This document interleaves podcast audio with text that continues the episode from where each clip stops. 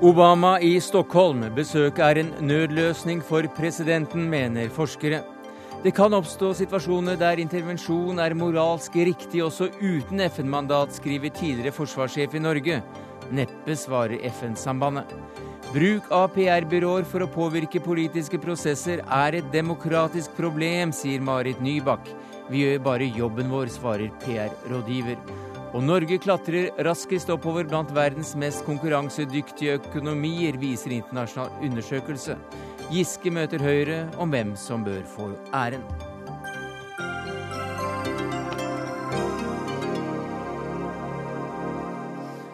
Ja, Det er noen av sakene i eh, Dagsnytt 18 denne onsdagen, der vi også får besøk av den norske prosten som nettopp har kommet tilbake fra Jordan, og det med kong Husseins orden rundt halsen for fremragende fredsarbeid. Og vi feirer KrFs eh, første 80 år nettopp i dag. Men først skal vi til Stockholm, hvor verdens mektigste mann ble spurt om krig i Syria. My credibility is not on the line. The international community's credibility is on I do think that we have to act. Because if we don't, we are effectively saying that even though we may condemn it and issue resolutions and so forth and so on, uh, somebody who is not shamed by resolutions can continue to act with impunity.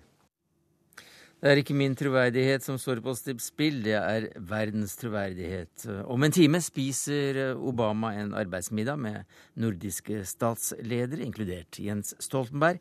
Og Ingrid Lundestad, du er forsker ved Institutt for forsvarsstudier. Hva slags interesse kan en Obama ha av et slikt møte? Besøket i Stockholm har hatt eh, gitt anledning til å ha både bilaterale samtaler med svenske myndigheter, men også i kveld en eh, større sammenkomst mellom eh, de nordiske statslederne og Obama. Og møtet gir sånn sett, eh, i kveld gir sånn sett anledning til å ha diskusjoner med en samlingsdata som er ressurssterke aktører, som er allierte og partnere av USA som eh, USA samarbeider med på en rekke områder, både globalt, eh, i spørsmål om, om, klima, eller det er også sikkerhetspolitiske spørsmål som vi så i Libya sist, eh, men også mer regionalt. Eh, I den europeiske konteksten og i andre regionale sammenhenger, f.eks. i arktiske spørsmål. Ingrid Lundestad, du har jo da sett spesielt på, på områdene uh, i Arktis. Og tror du at det kommer til å bli et tema når Stoltenberg kanskje får sine sekunder med Obama? Nordområdene er jo et satsingsområde for norske myndigheter, men i dag er det vel andre spørsmål som står øverst på agendaen. Wenche Eriksen, utenriksmedarbeider i NRK nå i Stockholm. Hvordan preges Stockholm av at Obama er i byen? Ja, Vi kan jo tenke tilbake hvordan Oslo var eh, da Obama var der. Og så er det kanskje enda mer sikkerhet her i Stockholm, fordi de har tross alt hatt to politiske attentater i moderne tid. Det er veier og store områder som er stengt, og busser som ikke går, og folk som blir bare geleidet videre og ikke får lov å gå der de pleier å gå.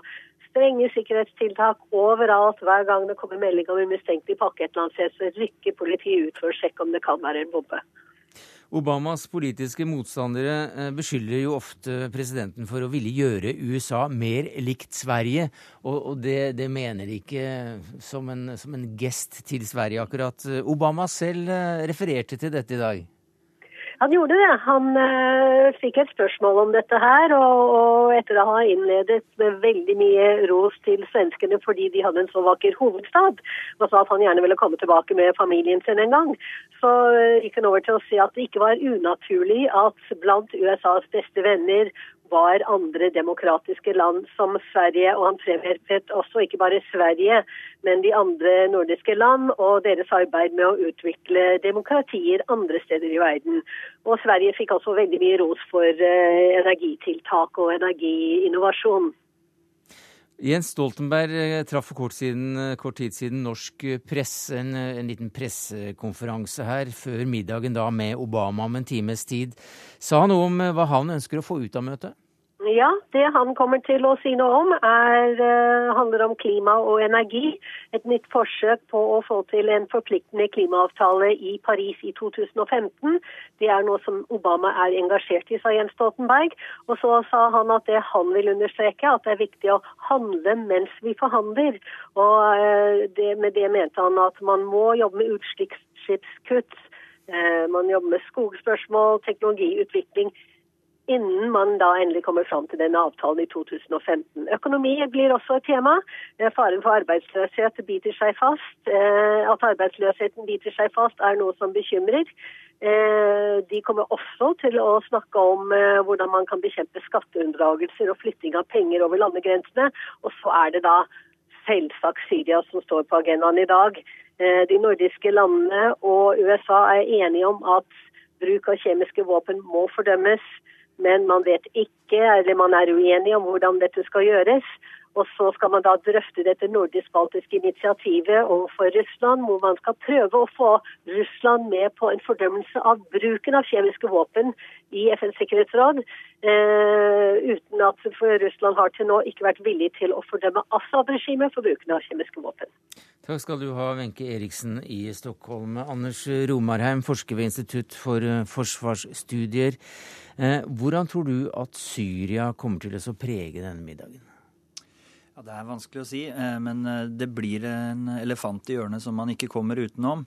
Eh, nå hører vi jo at saksfelter som klima her og en del andre ting vil man fronte mer, for der kan man kanskje komme litt lenger og, og få noe mer håndfast ut.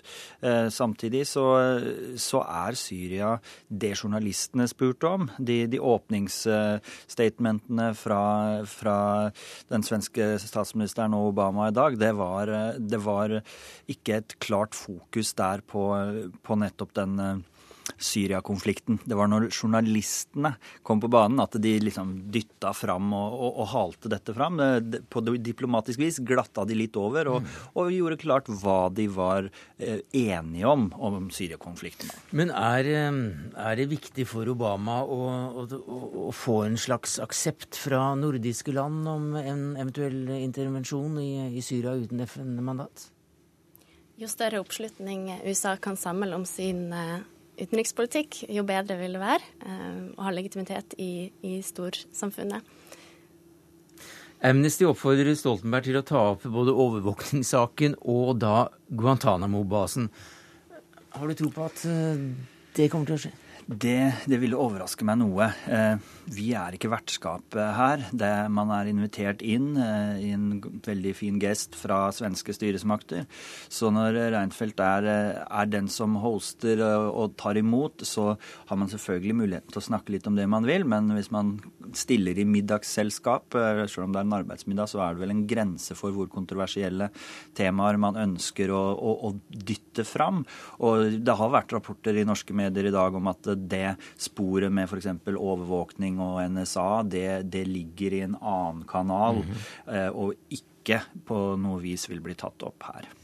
Men hva tror du at en amerikansk president på et eh, møte blant vennligsinnede stater kommer til å si om, om Syria? Altså, hva, hva, kan han ha behov for å si om Syria nå som han eh, vel er i ferd med å få en godkjennelse for et eventuelt angrep fra sin egen kongress?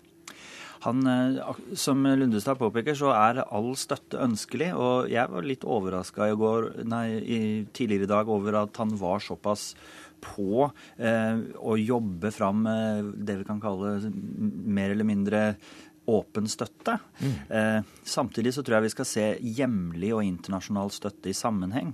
Hadde det britiske parlamentet stemt for dette, så er det ikke sikkert at Obama ville gardert seg så grundig på hjemmebane som han nå gjør, ved å ta dette gjennom Kongressen, som jo er et brudd med vanlig prosedyre for amerikansk anvendelse av militærmakt. Det er ikke feil å, spille, å spørre Kongressen, men eh, man, som commander in chief så har presidenten full mulighet til å, til å gjøre operasjoner av Libya-størrelse uten, uten, å stille dette som et eh, spørsmål for eller imot i Kongressen. Men Kongressen svarer vel antagelig ja til eh, å eventuelt gå i et angrep? Jeg er av den oppfatning. Eh, det, jeg fulgte høringen som gikk sent i går kveld, og, og det, du har liberale senatorer som Barbara Boxer fra California, som er veldig klar på at hun mener her er det riktig å bruke militærmakt. Og hun var jo en voldsomt sterk motstander av Irak-krigen og en av Condoleezza Rice eh, til sine verste fiender i senatshøringen da hun skulle blei stemt gjennom som eh, utenriksminister. Så, så, vi ser at på den fløyen er, er det ganske Eh, bra støtte for Obamas forslag. De som egentlig er minst fornøyd, det er eh, også noen hauker som syns dette blir for lite, og ønsker eh, en tydelig regimeendring i Damaskus som, som et uttalt mål. Men vi, vi, hørte også da at Kerry, som vel da er veldig blant sine egne Han var vel tidligere leder for den, akkurat den delen av Kongressen der han nå, nå legger fram dette. Han vil også da be om støtte til et eventuelt eh, angrep som inkluderer bakkestyrker? bakkestyrker. Det tror jeg ikke stemmer. Eh, det er i hvert fall ikke min oppfatning. Men det stemmer at han kom på glattisen i går fordi han ikke kategorisk utelukka nettopp bakkestyrker. Når det er sagt, så er jeg også helt enig. altså Kerry var jo totalt på hjemmebane i går. Han vet akkurat hvordan disse høringene foregår. Han har leda dem sjøl. Han vet hva slags spørsmål som blir stilt. Han vet hva slags svar som ønskes. Så jeg vil si Kerry gjorde en overbevisende senatshøring i går. Men han, han, sa at det var umulig å utelukke helt bakkestyrker. og jeg, jeg tror det... Var den formuleringen som jeg misforsto? Ja, den, mm. den, formuleringen var problematisk. Og det, det kommer antagelig i senatsteksten. Mm. Et spesifikt at han kanskje må gå tilbake til Senatet hvis det skal være aktuelt med tropper på bakken. Det er en del skepsis Lundestad, til USAs politikk i disse nordiske landene. Men når sjefen da selv stiger ned fra Air Force One, da er det stas? Det settes jo stor pris på besøk. Og eh, som Romarheim var inne på, så, eh, så legges det da eh, opp til at det er veldig mange områder der de her statene har felles politikk og har felles interesser der man søker å, å samarbeide om dem, og at i den grad det er uoverensstemmelser om utføringa av eh, politikken, så, eh, så, diskuteres det eh, innad. Men man vektlegger at det her er eh, stater som har nære bånd. Flere er Nato-allierte. Eh, andre er partnere med nært samarbeid. Sånn at eh, klimaet rundt, rundt, bordet i kveld er sannsynligvis godt. Men Norge er jo antagelig på mange måter veldig, veldig nær. da, Sverige er ikke Nato-medlem engang, men han stopper i Stockholm, mens Norge har gitt ham fredsprisen og ja. Sånn sett har jo Obama allerede besøkt Norge en gang tidligere. Så det er ikke en og... diplomatisk tabbe fra, fra, Norge ikke å ha vært tidlig nok ute, tror du? Nei, her har uh, Obama ulike, ulike, besøk å gjøre. Og jeg forstår det sånn at svenske myndigheter har gitt en invitasjon til Obama å komme, og det passer da i forbindelse mm. med møtet som da skal finne sted i Russland i G20-sammenheng, eh, når det da ikke ble noe av møtet mellom eh, Obama og Putin. Da får vi heller eh, tilgi ham at han vel ikke sa at han gjerne ville komme tilbake til Oslo med, med familien, slik han da antydet når det gjaldt Stockholm. Takk skal du ha, Ingrid Lundestad, forsker ved Institutt for forsvarsstudier, der også Anders Romarheim er forsker. Mer Syria, og nå mer om FN-mandatet. For vi hørte jo hva Obama sa om at det ikke er hans troverdighet, men verdens troverdighet som står på spill, og at uh, man ja, dermed må, må handle. For uh, du heller altså da i retning av at uh, vi er for opptatt av dette FN-mandatet, Sverre Disen, tidligere forsvarssjef. Ja, det er riktig. Jeg tror jo at det er fullstendig mulig, sånn som verden nå en gang er, og sånn som FN fungerer, Eh, å komme opp i situasjoner som er slik at det er eh, vel så problematisk og vel så uetisk å avstå fra å intervenere som det er å intervenere. Det blir eh, på mange måter spørsmål om det onde maktbruken alltid er, eh, er eh, større eller mindre enn det onde makten er ment å fordrive eller forhindre. For i VG, på, VGs, på VG Nett i dag så skriver du en, en kronikk der det skiller mellom det folkerettslige begrepet legalitet og det etiske eller moralske begrepet eh, legitimitet. Eh, legitimitet skulle være begge steder her. Eh, og Hvordan går det an å skille det? Jo, fordi eh, nettopp som jeg sa, altså hvis noe er legalt i betydningen mandatert av FN, så får vi jo håpe og tro at det også automatisk er legitimt. Men fordi det som sagt, fordi vi ikke kan overlate definisjonsmakten for hva som er etisk til Russland og Kina, så kan man tenke seg situasjoner som er slik at det er en større uh, forbrytelse å, å, gjøre ingenting enn å intervenere uten et mandat. Mm. Og Det betyr at ting kan altså være legitimt uten å være legalt. Uh, mens alt som er legalt, er legitimt. Nettopp. Uh, og da er jo spørsmålet hvem er det som skal definere det? Ja, det må jo være skal vi si, verdenssamfunnet på en eller annen kollektiv basis. og dette er jo det som gjør det vanskelig. Altså. Ingen skal påstå at dette er eh, enkelt.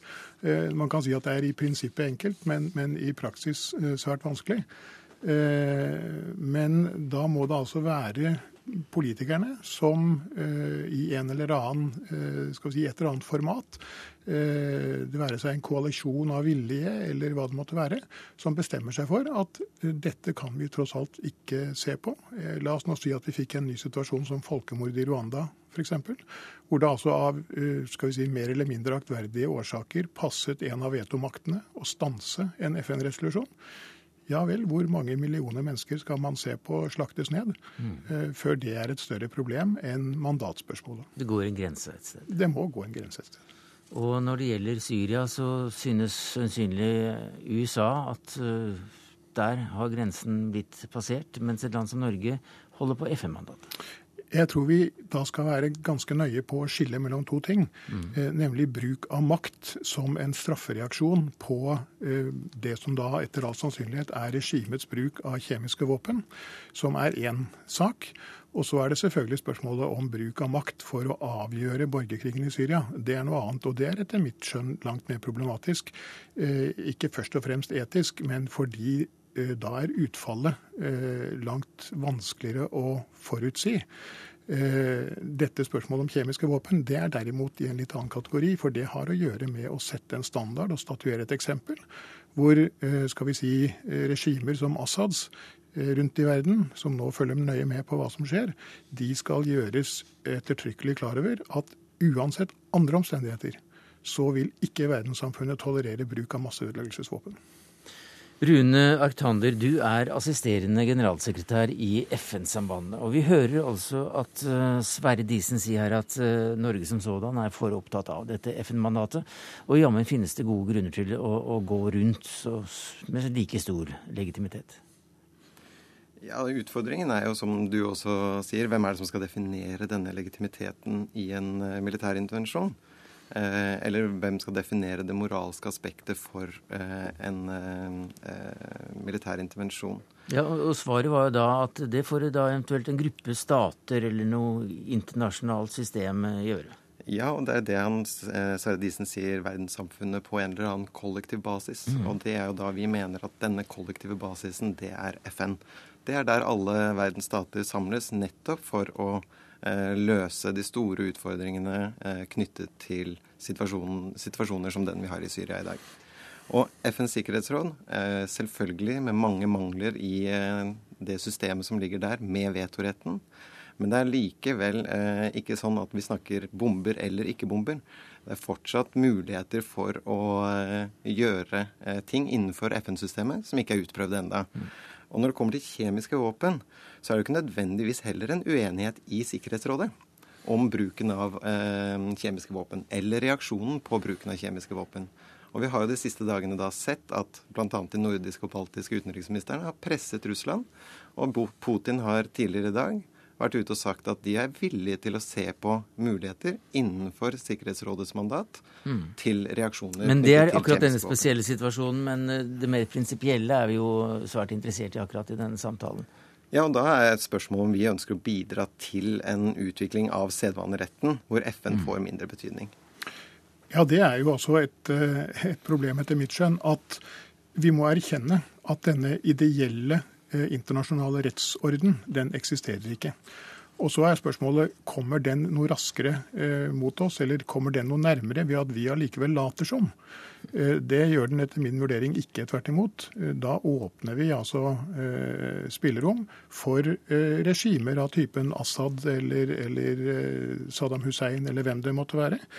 Eh, men jeg, jeg, ser jo også at det er så problematisk å da se hvordan en, en koalisjon av eh, andre nasjoner skal påta seg dette ansvaret. Og det vanskelige spørsmålet er jo nettopp eh, dette er, er det onde militærmakt alltid innebærer, i form av materielle ødeleggelser og tap av liv osv., er det større eller mindre enn det onde vi nå skal prøve å forhindre? Og svaret på det kan jo bare gis i ettertid. Mm. Det er jo det som gjør at dette ikke bare er vanskelig i utgangspunktet, men de som tar den type beslutning, de må regne med å skulle leve med historiens dom, som selvfølgelig vil være urimelig fordi den blir fattet med fullkommen etterpåklokskap. Så, så det er i grunnen et spørsmål om å akseptere at uh, i en ufullkommen verden uh, så finnes det av og til ikke gode løsninger. Og ikke late som vi har en verdensorden. Nei, altså Vi vil jo påstå at verdensorden ligger i, i FN-systemet. Men er det, er det en verdensorden i dag? Ja, altså man ser jo mange eh, løsninger som knytter seg gjennom, eh, gjennom FN-systemet, og som løses gjennom FN-systemet.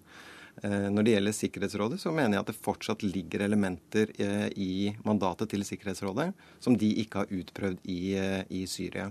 Det handler om eh, stramme sanksjoner. Mm. Det handler om utplassering av observatører en overføring av Syria til eh, Den internasjonale straffedomstolen. Men da er vi igjen, Unnskyld meg, men da er vi igjen inne på, inne på akkurat denne Syria-saken, mens vi også da snakker om, om, de store prinsippene her.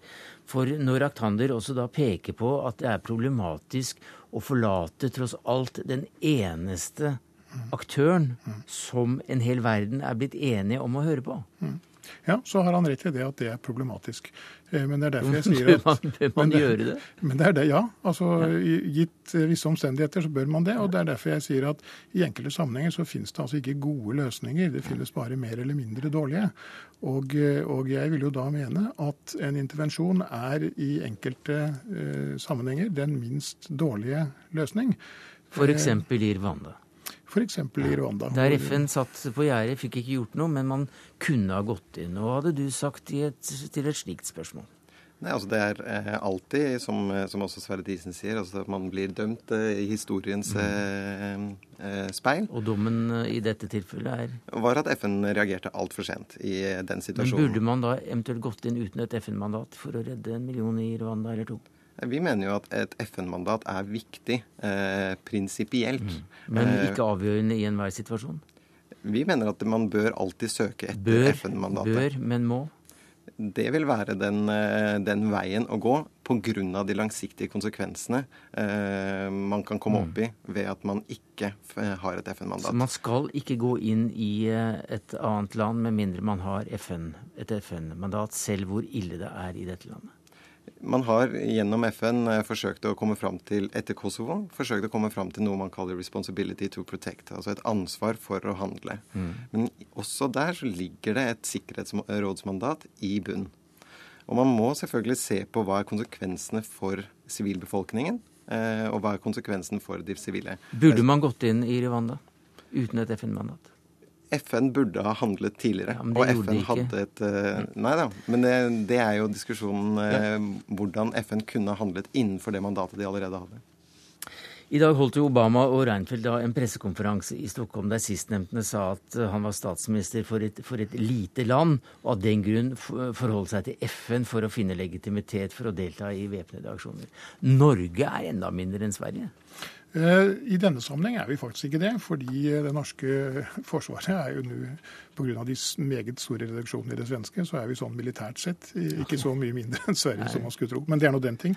Men, men altså, jeg, jeg, tror det er viktig å, å fastholde her at eh, denne voldsomme fokuseringen på et FN-mandat, den har jo også den ulempe at når FN da faktisk eh, kommer med et mandat, så fanger jo bordet. Altså Da er vi nærmest nødt til å stille opp hva enten vi tror at det har noen hensikt eller ei.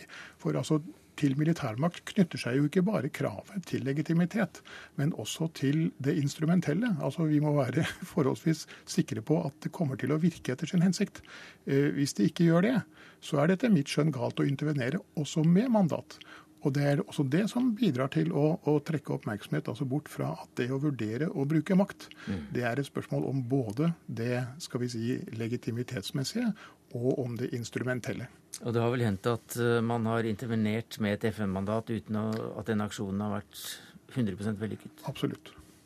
Takk skal du ha, Rune, nei, Sverre Disen, tidligere forsvarssjef, og til deg, Rune Arctander, assisterende generalsekretær i FN-sambandet.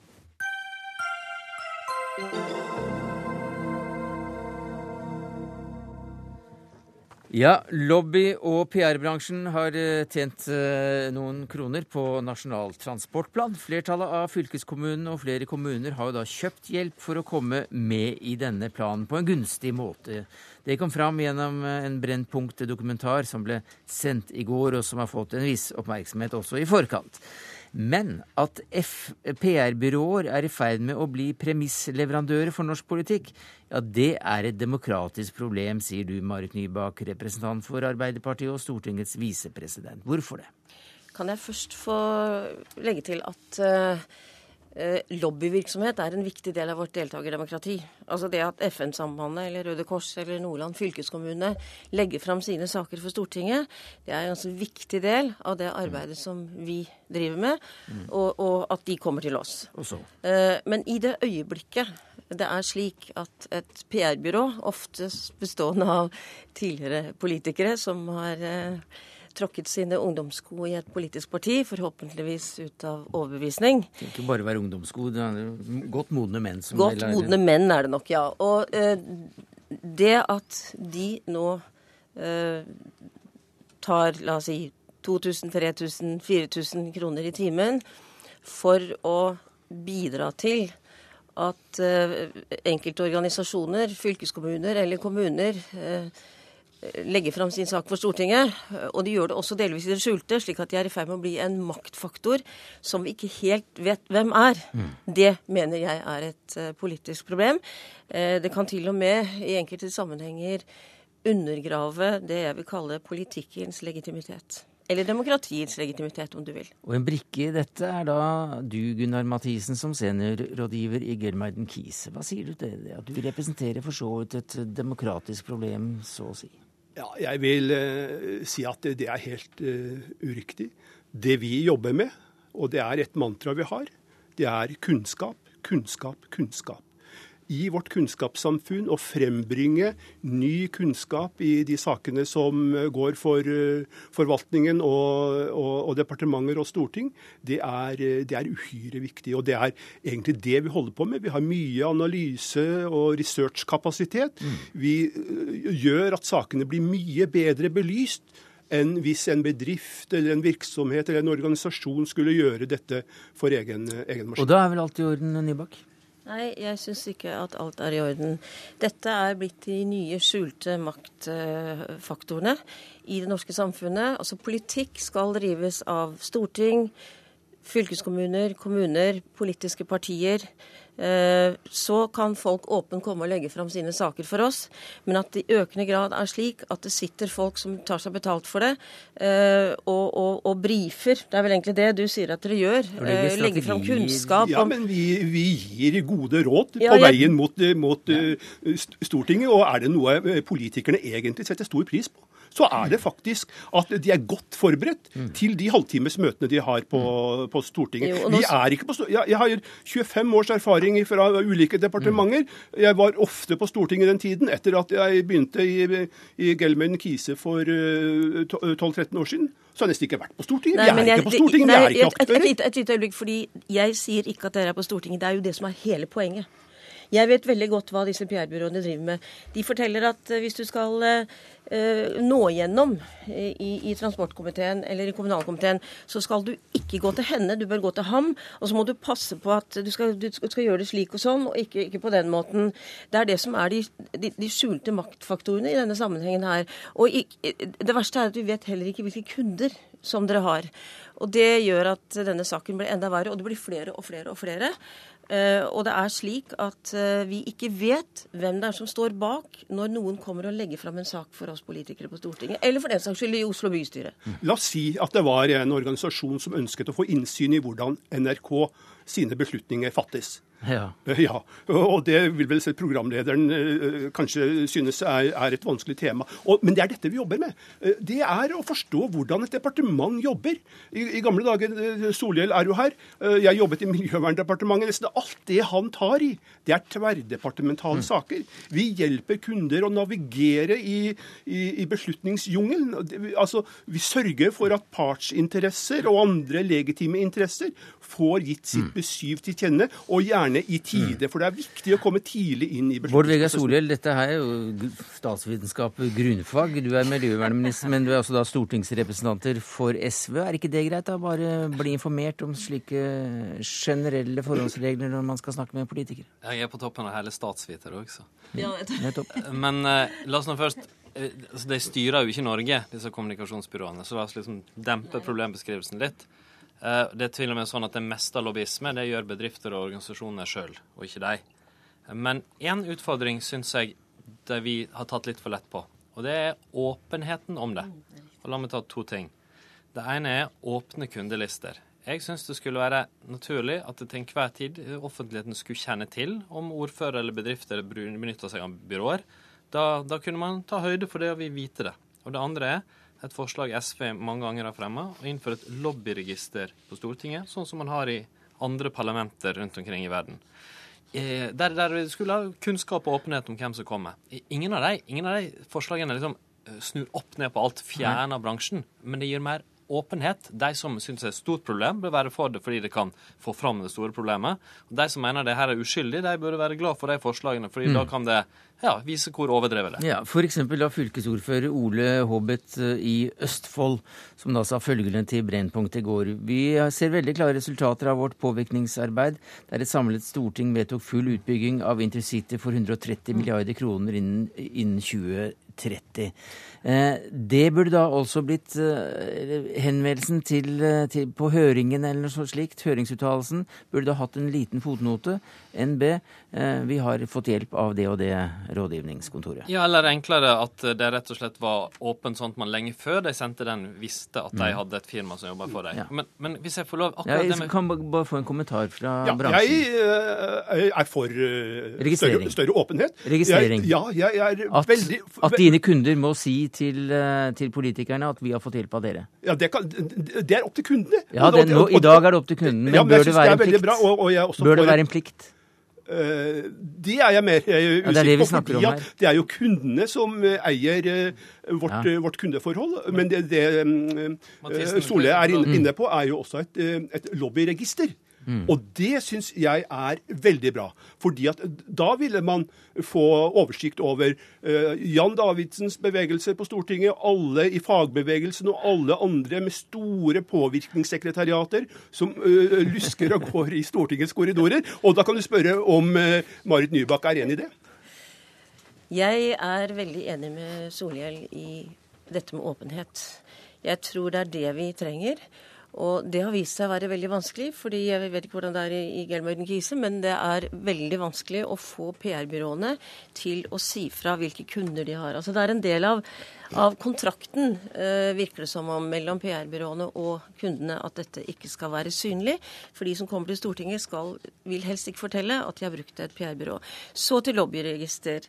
Eh, det kan godt hende vi skal ha et lobbyregister. Og vi har diskutert dette. Det var vel bare Venstre som stemte for det sist.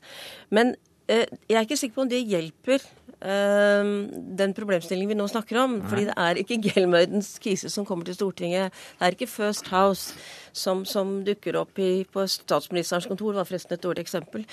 Eh, men det er de som ønsker å, å, å, legge fram saken sin, som kommer til statsministerens mm. kontor og til Stortinget. Da har de blitt brifet på forhånd av mm. First House. Men hvorfor er det et problem å ikke ha et, eh, et slikt lobbyregister? Jeg skal ikke overdrive problemet, men fordelen med det ville være at da ville vi kunne ha mer kunnskap om hvilke typer organisasjoner og miljøer som faktisk beveger seg på Stortinget. Jeg tror det ville vise at det er ganske få ganger kommunikasjonsbyråer kommer sjøl. Ja. Eh, men det vil kanskje vise at Statoil er mye tyngre representert enn Natur og Ungdom, hva vet jeg. Eller motsatt. Mm. Eh, men, og det andre forslaget om å åpne kundelister, det ville mer direkte vise kommunikasjonsbransjens rolle. Så hvis Marit Nybakk kunne være så vennlig å overtale sitt ja. eget parti, Arbeiderpartiet, så er vi for et stykke på vei til å ha to forslag som kan gi mer åpenhet. Men, det tror jeg vi alle sammen i hvert fall vi i SV ville synes var fornuftig. Å bli kvitt eh, hele systemet med at man kan bruke PR-byråer, det vil du ikke ha nå?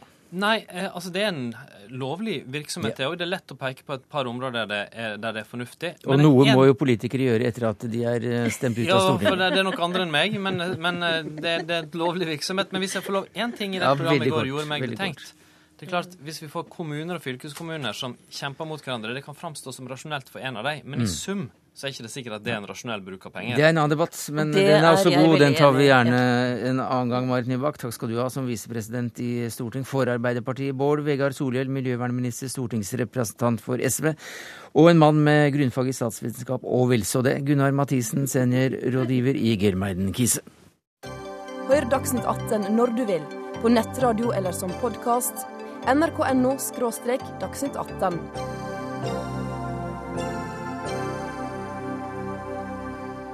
Ja, så si rett fra kongen av Jordans bord og til oss her i Dagsnytt 18. Velkommen, Trond Bakkevik. Takk for det. Og gratulerer med kong Hussein-ordenen. Hva er det for noe? Det er en orden som kong Abdullah har opprettet til ære for sin far, og som da deles ut til personer som han mener har gjort seg fortjent til det. Så jeg kjenner meg hedret og ja. Og du får den for, eh, for, ditt arbeid for, eh, for, fred, så å si, i, i området. Eller for, eh, for hva? Jeg får den fordi jeg har eh, arbeidet med religiøse ledere i området. Mm. For å se hvordan religion kan bidra til at konfliktene kan bilegges. Men grunnen til at jeg var i Amman var Den skal jeg komme til nå. Den skal du komme For jeg ser at du kommer i en, en flis med en skjorte under, og det er jammen ikke mye ordner å se, og den er kanskje ikke så svær? jo da, den henger rundt halsen. Henger rundt halsen. Men det er altså ikke bare for å fortelle at kongen av Jordan har hedret prosten Bakkevik i Vestre Aker i Oslo, at vi har bedt deg komme, for du kommer også rett fra møter med kirkeledere fra hele Midtøsten. Og hvordan, La oss ta det først. Hvordan vurderer de en amerikansk krig eller angrep eller operasjon, aksjon, eller hva man eventuelt vil komme til å kalle det? Det er unisont negativt. Det er, um, og da tenker de nok både på seg selv, fordi det er Vesten som griper inn og blir lett identifisert med kristendommen. Uh, og så er det fordi at det bare vil skape mer kaos enn det allerede er. Det er en en eh, aksjon som er uten et polit annet politisk mål enn å straffe. Og det fungerer utelukkende negativt. Men hovedtema for, eh, for, denne samlingen av kirkeledere var altså eh, situasjonen for de kristne i, i området nå. Ja. Og hvordan beskrives den? Den beskrives eh, sånn at det er veldig mange som emigrerer. Og det er veldig mange som, eller store deler av dem, kjenner at de er under press. Og i, det har vi jo sett særlig i Egypt, med nedbrenning av i hvert fall 50 kirker. Vi ser det i, også gjør seg gjeldende i en del av Syria, hvor, hvor eh, noen av opprørsgruppene har eh, rett og slett eh, målrettet gått løs på kristne og på kirker, på klostre. Og i Irak, nabolandet Syria, så førte jo, førte jo invasjonen i 2003 til den største emigrasjonen fra Midtøsten som vi har sett gjennom historien. Sånn at øh, Vesten har også sitt bidrag. Det er, mm. ikke, det er, ikke, snakk om at dette er liksom bare en muslimsk kristen sak. Og, og, for de kristne så er de veldig opptatt av å si at det er slik at vi i århundrer, ja nesten årtusener, i hvert fall halvannet årtusen, har levd side om side med muslimer. Vi har levd godt og greit, og så har det vært spenninger innimellom. Men dette er noe vi har funnet ut av. Nå er det skjedd noe radikalt nytt. Og og um, den samfunnsmosaikken som har vært der, uh, og Syria er kanskje det beste eksempelet i hele Midtøsten på hvordan, hvordan det er sammensatt. Den har, vært, eh, den har vært fint balansert, men de har funnet ut av det med hverandre, levd med hverandre. Sine helligdager, sine helgener, sine måter å leve på. Og så, så har dette vært et samfunn som har fungert. Ja, For det er nok mange turister som har besøkt dette fantastiske eh, feriemålet, så å si, Syria, som har blitt overrasket over at eh, kristne har hatt ledende stillinger i statsforvaltningen, Ja. f.eks. Ja, og det gjelder jo i hele Midtøsten. Mm. Og kristne spilte en veldig stor rolle da hele den panarabiske ideologi ble utviklet på 1920-30-tallet. Eh, I Palestina, i Jordan, i Syria, i Libanon, Egypt så har kristne hatt, eh, og i, i Irak så har kristne hatt viktige posisjoner i statsadministrasjonen. Men så er det jo litt pussig da at det er nettopp en konge i et uh, muslimsk land Ja. som uh, inviterer til en slik Ja. kongress. Ja, det er det. eh, Men han gjør det fordi at eh, Nå var det prins, prins Gazi, som han heter, som var hovedarkitekten bak dette. Men jeg har snakket en del med han om det. Og han sier at grunnen til at han er engasjert av dette, er at fra å være født som jordaner, eh, som gjelder alle kristne og muslimer, så blir du, hvis de kristne emigrerer, så blir det fort sånn at du blir født som muslim, og så blir du jordaner som nummer to. Og det er jo det vi nå ser i Syria, at fra å være født som syrere, så, så er det det sekteriske som, blir, eh, som definerer hvem du er, istedenfor at du er definert som syrer først, og så tilhører du en religion, så blir du nå definert ut fra at du er alawitt, sunni, kristen, eh, kurder. Eh, og det, det er det som kan skje i Midtøsten, at du mister det fundamentale statsborgerskapet som går forut for den religiøse tilhørigheten. Så det er, det er, det er det er noe man ikke ønsker. Det er noe man ikke ønsker, og det er grunnen til at en muslimsk konge eh, som ønsker å beholde denne samfunnsmosaikken, inviterer til dette møtet. Og det, og det er jo også interessant at eh, prins Ghazi er jo en av de ledende muslimske intellektuelle i hele Midtøsten.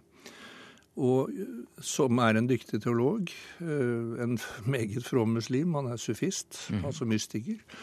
Eh, Han er den som da inviterer, fordi han også ser at han har et samtalegrunnlag i forhold til annerledes troende. Interessant, du. Det er også da også interessant at det, at det måtte en, en jordanske konge, eller da en prins som tok initiativet. Da, for det er, ikke, det er ikke så lett å samle disse kirkelederne. Det er visst ikke, Alle er ikke like enige om å like hverandre like godt. Nei, det, det er jo sånn at, eh, at eh, alt som fins av kirkesplittelser opp gjennom historien, de fins i Midtøsten, og ganske særlig i Syria. Eh, Så er det klart at jo færre de blir, jo mer søker de sammen. Men for det første mangler det kanskje litt praktisk sans, hvis jeg skal si det som utenforstående. Og for det andre så, eh, så er de ikke noe kjempegode til å samarbeide. Takk skal du ha, Trond Bakkevik, prost, prisvinner og primus motor i Rådet av religiøse institusjoner i Det hellige land. Takk for det.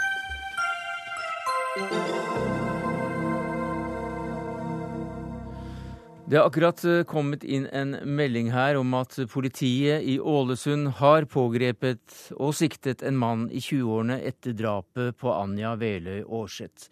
Politiet opplyste om dette på en pressekonferanse nå klokka 18.30. Og reporter Erik Hattrem, du er i Ålesund. Hva sa politiet? Det politiet sa på denne pressekonferansen var rolig og gemyttlig. De har tidligere i ettermiddag pågrepet en norsk statsborger i 20-årene rolig og gemyttlig hjemme, eh, persons, hjemme på personens eh, bopel. Noe særlig mer opplysninger om det har ikke kommet eh, enda. Det vil eh, komme litt etter hvert. Og mer om dette da i NRKs nyhetssendinger utover kvelden. Takk skal du ha, Erik Hatrem i Ålesund. Det er altså kommet en melding om at politiet i Ålesund har pågrepet og siktet en mann i 20-årene.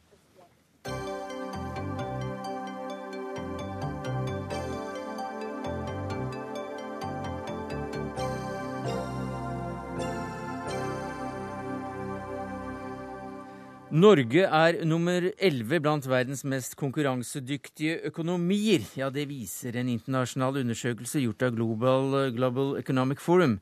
Professor i eh, strategi og industriell konkurranseevne ved Handelshøyskolen BI, Torger Reve. Du har selv bidratt i arbeidet med denne undersøkelsen. Hva slags måling er dette? Ja, Det er en veldig omfattende måling. Eh, det er et stort batteri med, med data vi samler inn.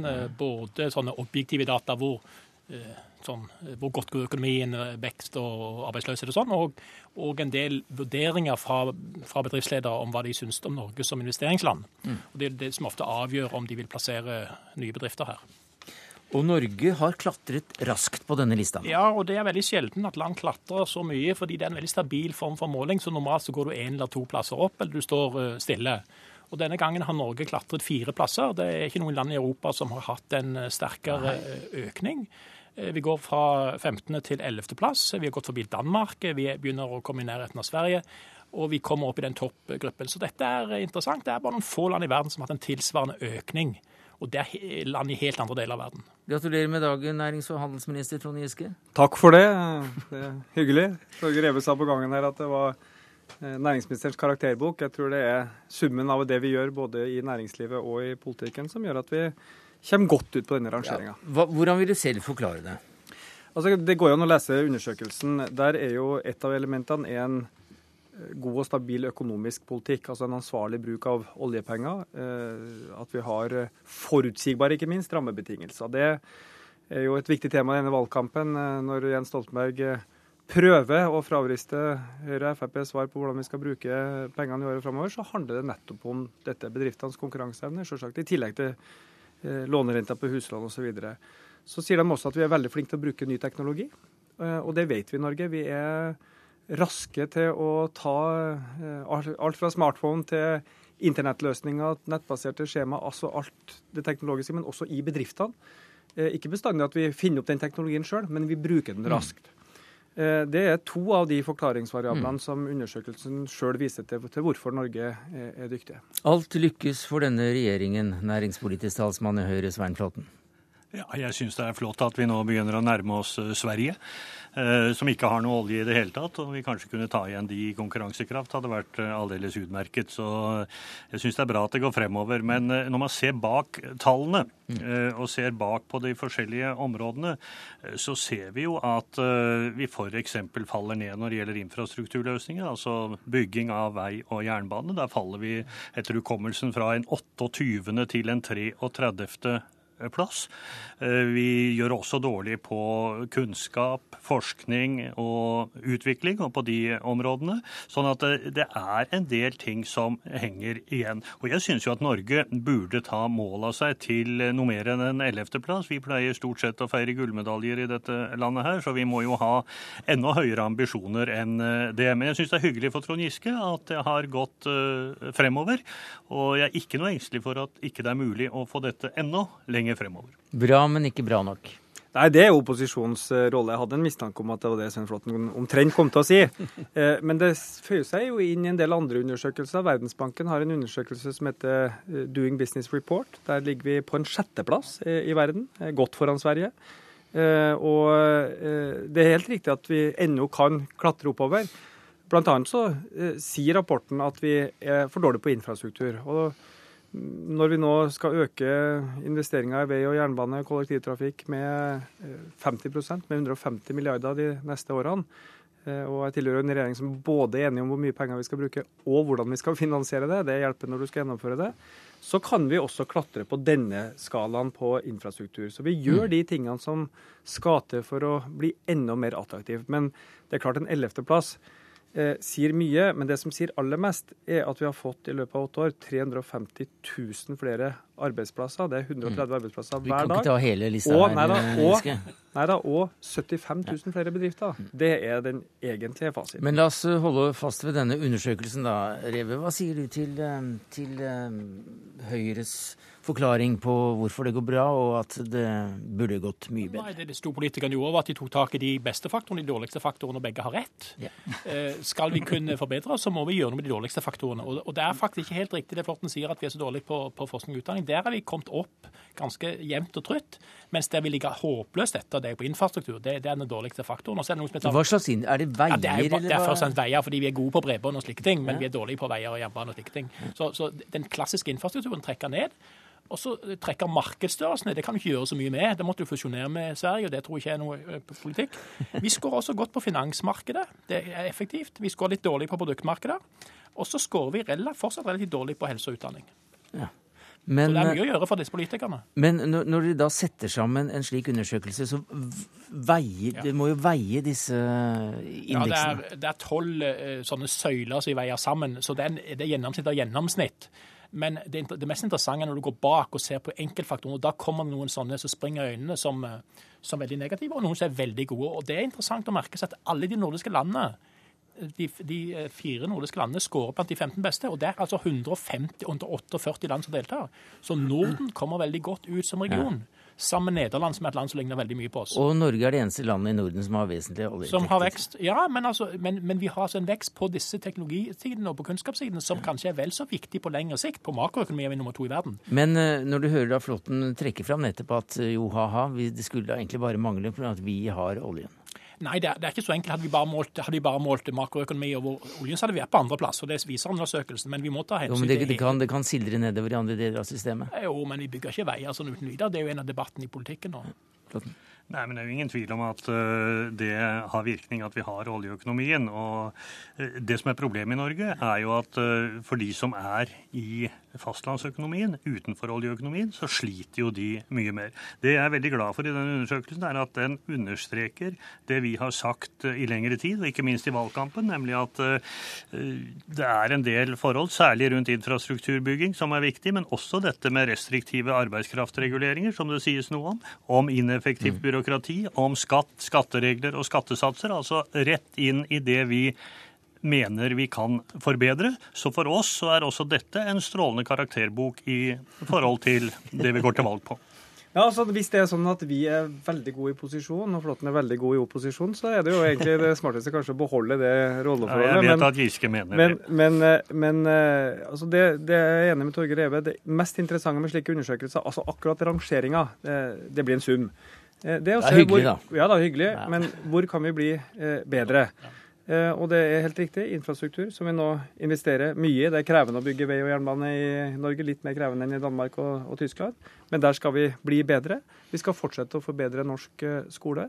Og vi skal fortsatt ha som ambisjon at vi har den laveste arbeidsløsheten i Europa. Så det er jo en fabelaktig visjon, og som vi har levert eh, på. Det er 27 millioner arbeidsløse ute i Europa. Ja. Det er en dyp, alvorlig både økonomisk og sosial krise. Men dette var det ikke en del av, var dette en del av undersøkelsen? Jo, arbeidsmarkedet teller, men bare på en av dimensjonene. Dette som Flåten nevner med byråkrati. Institusjoner scorer ganske godt. Altså, Vi er på sjetteplass på institusjoner.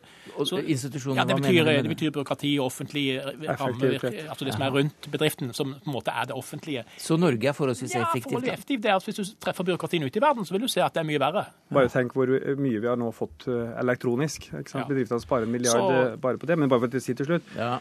Mange land har fått naturressurser og mye rikdom på kort tid. Det har gått galt med alle sammen. Det å fortsette å være innovativ, utvikle teknologi, være på hugget, være konkurransedyktig Når du blir så rik så fort, Ja, men det, det, er det, går jo ikke, det går jo ikke krevende. undersøkelsen på, hvorvidt man har søkt men, bort eh, pengene eller ei. Det Nå er vi langt utenfor ute for undersøkelsen, og nå skal vi snart over til en jubilant som står og tripper utenfor døren her. Trond Giske, nærings- og handelsminister, takk skal du ha. Svein Flåten, næringspolitisk talsmann i Høyre. Torgeir Reve, professor i strategi og industriell konkurranseevne ved Handelshøyskolen i. Takk skal alle sammen ha.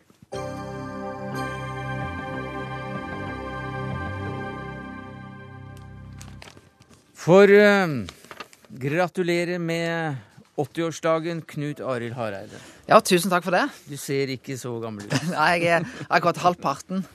Så 80 år har gått siden eh, det som etter hvert da skulle bli Kristelig Folkeparti, ble eh, dannet, stiftet på Bibelskolen i Bergen. Hvordan skal dette feires? ja, vi har jo feira det allerede i dag, da. Oh, ja. Eh, Vi har vært på Karl Johan og delt ut eh, 1000 kakestykker til det norske folk. Og der var selvfølgelig jeg og nestleder Dagrun Eriksen. Og vi hadde òg med oss to tidligere partiledere, Valias Valgerd Svarstad Haugland og Kjell Magne Bondevik. Eh, Og det var god stemning. Eh, Så det var en typisk KrF-feiring, vil jeg si, med kake og kaffe. Lite glass rødvin og høy sigarføring. Ja, Det må vel Valja ta i kveld, men eh, det var, ikke, det var ingen alkoholservering på Karl Johan i dag. Ta på deg headsetet her, du også, Bernt Årdal, som har kommet inn i studio. For det er selvfølgelig en quiz med, med dette her når det er en 80-årsdag, og hvem er dette? Så vidt jeg har forstått, så liker de faktisk ikke politikk. På en måte kan vi si at politikken var meg nokså fremmed helt til i 1961, da jeg ble trukket inn i politikken.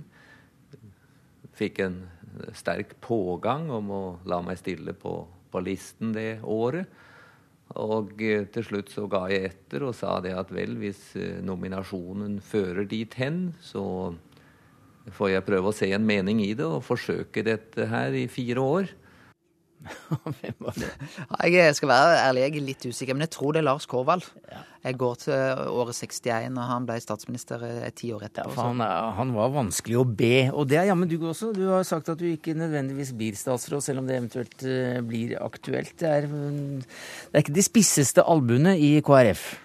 Nei, og jeg syns jo Lars Korvald Jeg fikk møte han før han gikk bort. Og det var jo en person som eh, med integritet og på en måte viste at politikken er ikke sånn at du trenger albue deg fram. Du kan stå for noen verdier. Mm. Og han greide jo òg å høste respekt i alle leirer i sitt eget parti, men òg langt utover det. Bernt Årdal, professor. Eh, hvorfor har vi et Kristelig Folkeparti? Eh, ja, Det er for så vidt et godt spørsmål. fordi Det norske Kristelig Folkeparti er en litt sjelden plante i europeisk partiflora. Mm. Man har prøvd å sammenligne det med, og partiet har selv også forsøkt å liksom identifisere seg med de kristendemokratiske bevegelsene i Europa. Men de er litt spesielle. De springer ut av en norsk motkultur som, eh, som har eh, mer lekmannsbevegelsen, lavkirkeligheten som utgangspunkt, og som på mange måter ble smeltet sammen med andre opposisjonselementer i, i norsk politikk, både målsaken og avholdssaken, og som ble en veldig kraft, og som brøytet seg vei. Og Motkulturen i norsk politikk. Nettopp. Og kom inn og erobret sentrum, kaller man det gjerne. Og, og spilte en rolle. Men det som jeg tror, det som er det spesielle med Kristelig Folkeparti, det er at i sosialpolitikk og i bistandspolitikk, en del sånne spørsmål, så har ikke de vært et høyreparti slik som man har sett ellers i Europa. De har egentlig vært mer nærmere sosialdemokratiet på en del av disse spørsmålene. Så det er ikke et sosialdemokratisk parti i europeisk sammenheng? Ja, et stykke på vei er det det i økonomisk politikk, men det er jo ikke økonomisk politikk som har vært det sentrale. Mm. Og når man leser Kristelig Folkepartis historie, så får man jo også et veldig godt inntrykk av at det har vært spenninger alltid når det har vært økonomiske spørsmål spørsmål som har vært de sentrale mellom mer konservative eh, grupperinger og mer venstreorienterte. Men det er jo når de har hjertesakene, det er disse spesielle sakene som liksom rører med den såkalte moralsk-religiøse aksen som Henry Valen og Stein Rokkan kalte den. Det er, mm. det, er de, det er, det som får det til å svinge. Og det som er ganske imponerende med partiet, er at man har klart å holde dette i live i så mange år. Selv om de har tapt saker på saker på saker Det blir jo kalt De tapte sakers parti. Ja, det er nettopp det. Men, men det, det, viser jo at de har, en, de har en kjerne. De har hatt en, en, kobling, og det er ganske viktig. En kobling mellom parti og omland, og særlig, særlig det religiøse omlandet. Organisasjoner, foreninger, kirkesamfunn osv. Mm. Som gjør at de har en litt annen type velgere. Grunnfjell. Ja, de har nok noe av nærmeste det vi kan kalle grunnfjell, selv om det har nå røynet litt på, på, på, det grunnfjellet også. Ikke minst har vi sett i det siste at de er blitt utfordret fra nye grupperinger. Partiet De kristne, Samlingspartiet, Ny Framtid osv. osv. Men likevel så viser jo da de aller siste meningsmålingene at de faktisk er litt på stigende kurs. Ja, 7,1 på VGs eh, partibarometer. Det er greit å ta med seg på en 80-årsdag? Det var en eh, hyggelig bursdagsgave. Men jeg har lyst til å si det eh, når dere snakker om tapte saker det gjelder jo alle politiske partier. Hvis du ser på Arbeiderpartiet, det som skjedde på 80-tallet der, så tapte de òg mm. mange av monopolene. Men ja, det, det, vi sa, det var at det sikkert ikke er helt sant, men at dere blir kalt De tapte sakers parti, det det er i hvert fall sikkert. Men da må vi òg se på de sakene vi har vunnet. Ja. Eh, hva vi har fått til på frivillighet. Abort. Eh, røykelov. Eh, Alkohol. Ja, det er jo en veldig god alkoholpolitikk i Norge når du sammenligner med resten av Europa. Og klart, KrF skal ha sin del av æren for at vi har langt mindre alkoholskader i Norge enn så å si samtlige andre land i Europa. Mm. Årdal, det er eh, valg om eh, få dager. Ehm, hvem er det som kommer til å stemme på KrF denne gangen? Er det de samme som for fire år siden, eller har de forandret litt på velgermassen?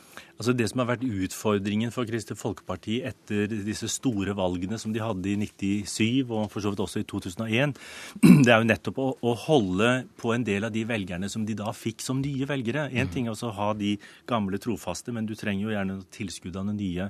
Og det har man ikke lyktes så særlig godt med. Så man har jo egentlig vært tilbake på, på grunnfjellet, og det i de siste par årene så har vi jo sett at stabiliteten til KrF-velgerne faktisk er ganske høy. Men utfordringen deres er jo også å få nye til.